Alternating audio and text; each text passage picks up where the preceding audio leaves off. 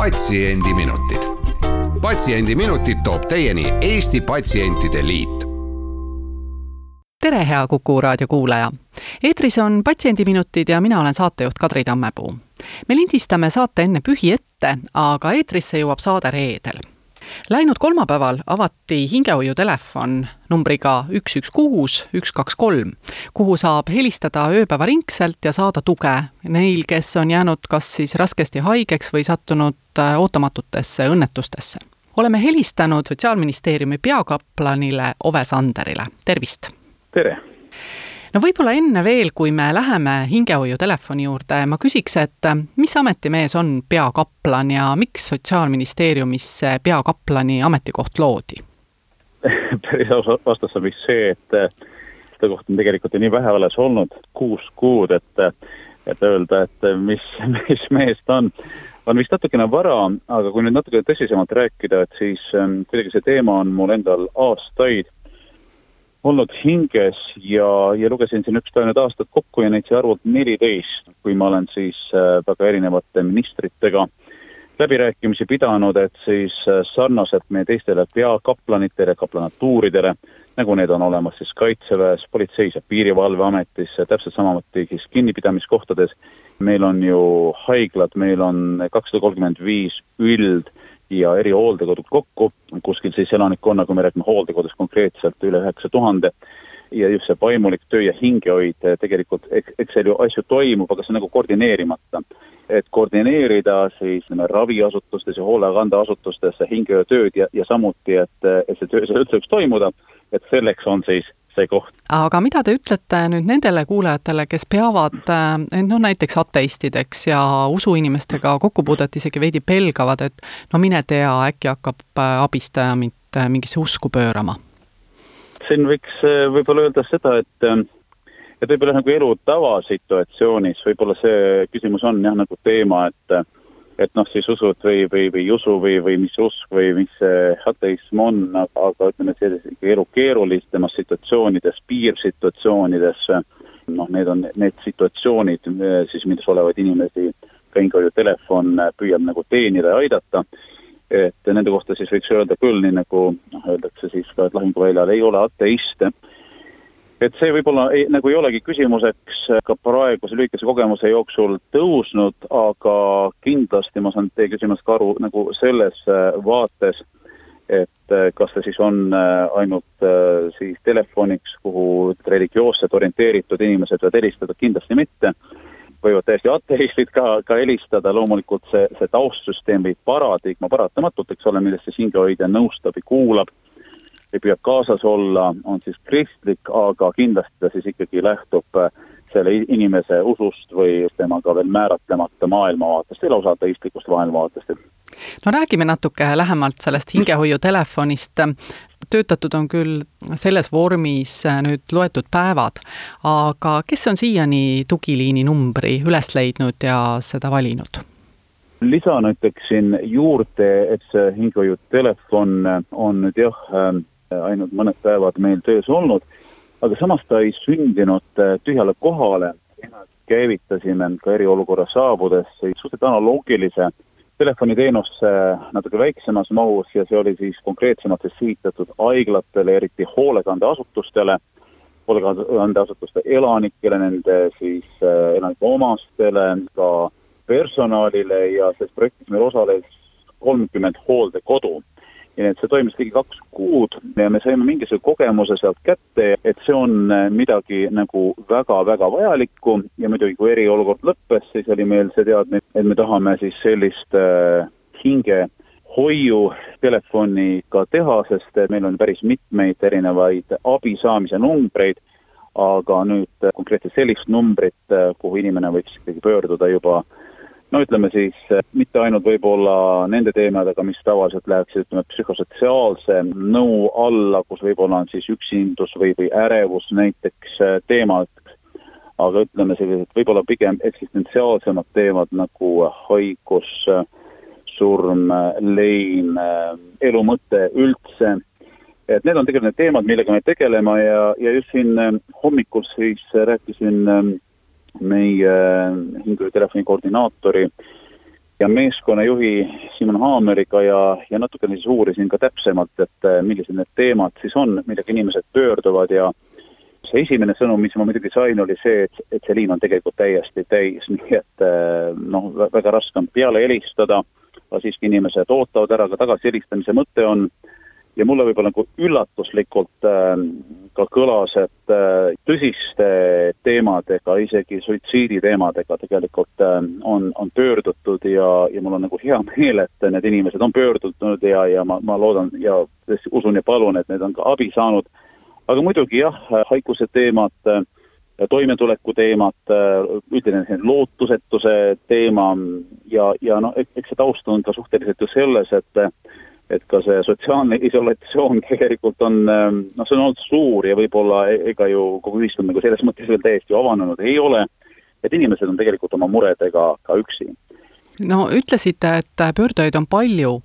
kui pikalt üks keskmine kõne aega võiks võtta, sest äh, need teemad, millega pöördutakse, on ilmselt päris tõsised?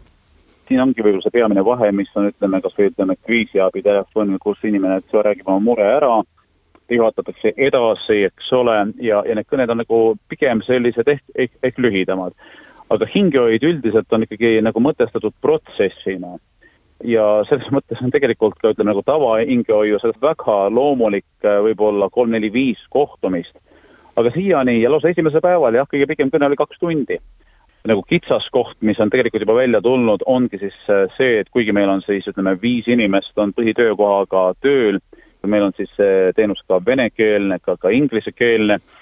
see tähendab, et ikkagi, et üks inimene saab seda vastu võtta ja, ja kui parasjagu ta räägib, siis tuleb kas oodata või siis ütleme pärast äh, jätta oma koordinaadid ja ütleme lühikirjeldus sellest murest, mis inimesel on.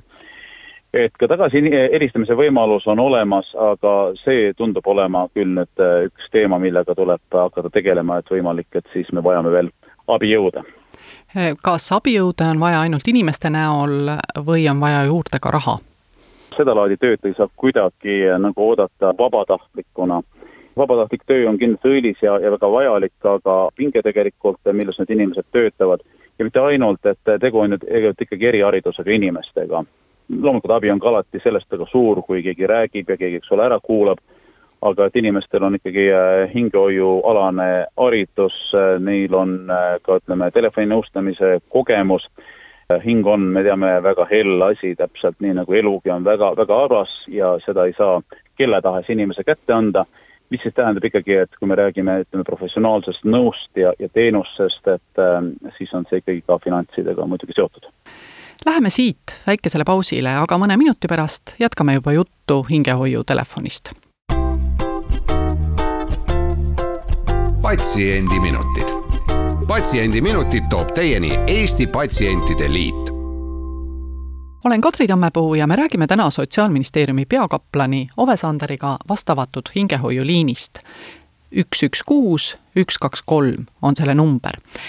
esimeses saate pooles saime me teada, et äh, liin on ootamatult populaarseks osutunud ja sealt otsitakse palju abi, kõned on pikad. kui tihti tuleb ette, et helistavad kas surijate lähedased või need inimesed, kes on hiljuti oma lähedase kaotanud ja jäänud leinas üksi? ma ei oska sellele küsimusele päris äh, otseselt äh, vastata, ma arvan, et ka telefon on nagu hästi noor veel, eks äh, kõik see on nagu kujunemisel, ütleme see, see arusaam, et mis see telefon on ja mida temalt nagu oodata. praegu küll nende päevade jooksul pigem nagu mina olen nüüd aru saanud ja see informatsioon on et ikkagi inimesed väga keskselt muidugi nagu enda hädadega ja, ja probleemidega, aga, loomulikult ma saan sellest aru, no lein tegelikult, mida muud, see on ju väga selgelt selle inimese enda väga sügav häda ka, kes siis muretseb ja on kalli inimese kaotanud. Noh, eks see muidugi Eesti paikkonnad on ka nagu väga erinevad, et äh, Tallinnas, kus on ütleme, koguduste võrgustik äh, suurem, siit ilmselt leiab ka leinarühmasid, äh, kuhu saab inimesi suunata ja, ja see muide on ka muide, ütleme, üks meie telefoni äh, selliseid suuri missioone, et kui äh, me ikkagi tunneme ära, et see ei ole päris nagu meie profiil, kus me saame kaasa rääkida ja toeks äh, olla, täpselt nii, nagu näiteks ütleme, üks kakskümmend neli seitse, siis suunab meile kõned edasi me saame ka nendele tagasi suunata või ma toon lihtsalt näite, ütleme otsene oht elule, et siis me loomulikult saame üks, üks, kahe peale suunata. et selles mõttes meil on nagu mitmetine funktsioon, et ühelt poolt, kui me tuleme ise nagu teemaga toime, hingeelu, vaimset tervist, eksistentsiaalseid teemasid puudutav teema, siis ma arvan, me enam-vähem saame toime. aga kui mitte, siis me muidugi suuname ka inimese alati edasi kas tugiliini juures töötab ka psühhiaatreid, kui me räägime näiteks väga vaimselt häiritud inimestest, mis saab, kui nemad teile helistavad? meil otseselt minu teada vähemalt põhitiimis ei ole psühhiaatria haridusega inimesi, aga siin on, ma arvan, et täpselt seesama küsimus, et jällegi edasisuunamise võimalus ja muidugi selline elementaarne haritus kas või ütleme, probleemide äratundmisel, et on see siis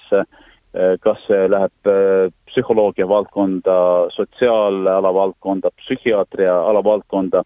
et see ettevalmistus kindlasti nendel meie nõustajatel on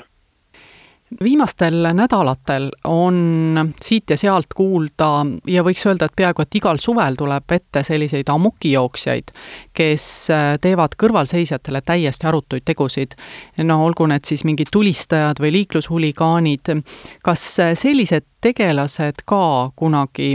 no kas äh, telefonile või teie kogudusse satuvad või pigem mitte, et tulevad need, kes on pigem vaiksed ja endasse tõmbunud seda on eh, väga raske öelda, nüüd telefoni näitel muidugi ka täitsa võimatu öelda, et aga olles ka ise kolm aastakümmet eh, olnud nüüd vaimulik ja tegelikult ka on olnud aastaid, kus ma olen ise väga intensiivselt siis nõustamisega ka tegelenud, ma võin öelda, et ikkagi tuleb, paraku äh,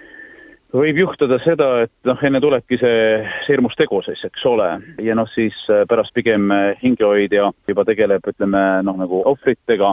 aga kui ma praegu nagu kiirelt mõtlen, jah, mul on olnud ka enda praktikas neid juhuseid, kus siis on tõesti mingisugune väga hirmus tegu olnud nagu kavas, aga jumal kuidagi on selle mõtte ja, ja armu ikkagi inimesse istutanud, kas siis enda suhtes või, või teise suhtes, et, et ta on siis tulnud kirikusse või, või vaimuliku jutule ja loodetavasti on siis äh, ka abi saanud, noh, see on, see on see kõige parem, mida me tegelikult äh, nagu tahaksime loota. see on olnud ka selle äh, telefoni üks selliseid nagu ideoloogiaid, et ta ei taha ainult siis nagu fakte kon-, kontsentreerida või noh, loomulikult ta on nagu toeks inimestele, kui midagi on juhtunud, aga me tahame olla ka väga ennetavad, et et võib olla tõesti, et kui inimesel on sellised äh,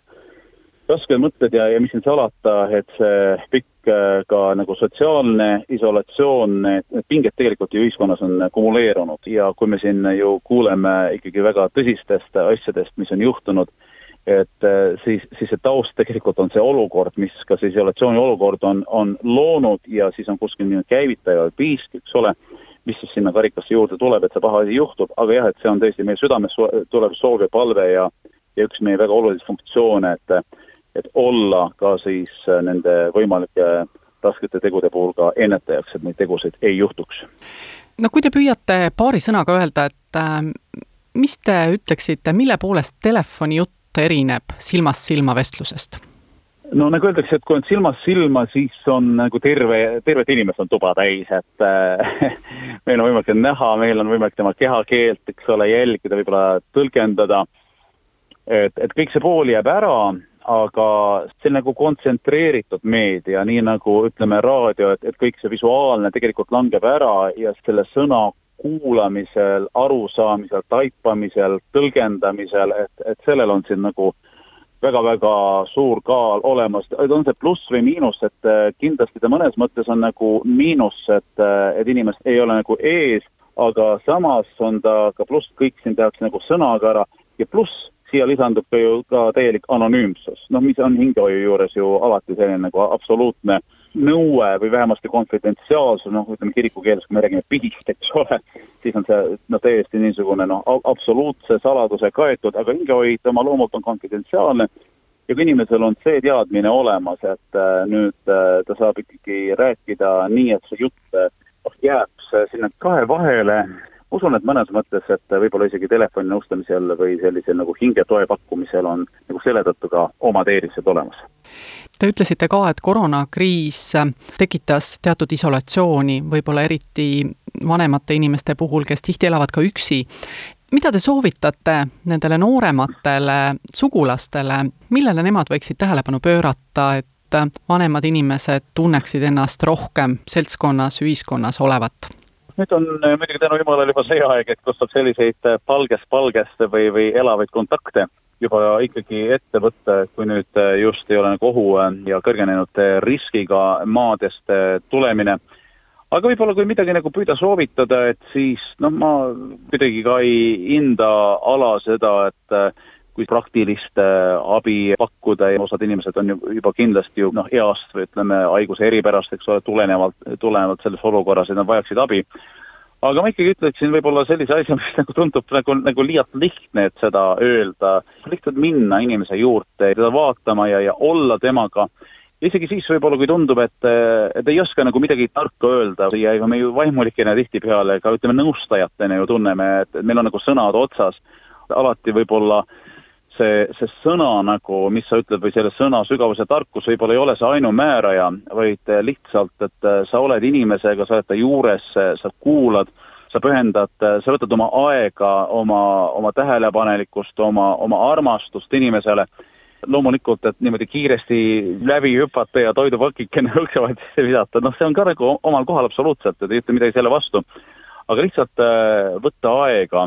kui tihtipeale äh, on noh, selline nagu kvaliteetaja kontseptsioon, et see on äh, aeg, millel on siis mingi kvaliteet selle, selle suhtes, kellele aega antakse, siis äh, mul on nagu natuke teistmoodi kontseptsioon, et see kvaliteetaeg, kui tahta nagu seda nimetust kasutada, ongi see, et äh, kus me oleme selle inimese päralt, et, et kui me seda oleme, tingimusteta oleme, et seda tegelikult tuntakse ja sellest ammutataksegi seda uut, uut elujõudu ja edasimineku tahet. nii et vaikust ei tasu karta kindlasti mitte, vaikus äh, saab lõpuks kõnekaks ja ta saab kõnekaks kõikide inimestega, kes ühel või teisel viisil sellega on seotud. loodame siis, et inimesed võtavad aega ja, ja julgevad äh, ka vaikida oma tuttava või lähedase või sõbraga. aga suur aitäh, Sotsiaalministeeriumi peakaplan Ove Sander, et me saime rääkida täna muuhulgas ka siis uuest hingehoiuliinist, mille number on siis üks, üks kuus üks jaoks kolm ja kasutan veel võimalust ja nimetan nagu ühe väga huvitava momendi, et tegu on Euroopas toimiva emotsionaalse toe telefoniga, nii nagu kõik need Euroopa abinumbrid ongi, siis algusega sada kuusteist, ja huvitaval kombel siis Eestis äh, aastakümnete jooksul see number oli võtmata ja lõpuks äh, mida muud ka on ju hingehoid äh, kui inimesele elu jaatava ja lootust andva emotsiooni pakkumine suur aitäh veel kord ja täname ka kõiki kuulajaid. soovime rahulikku suve, küsimusi küsis Kadri Tammepuu, kuulmiseni taas järgmisel nädalal ja seniks olgem terved. patsiendiminutid. patsiendiminutid toob teieni Eesti Patsientide Liit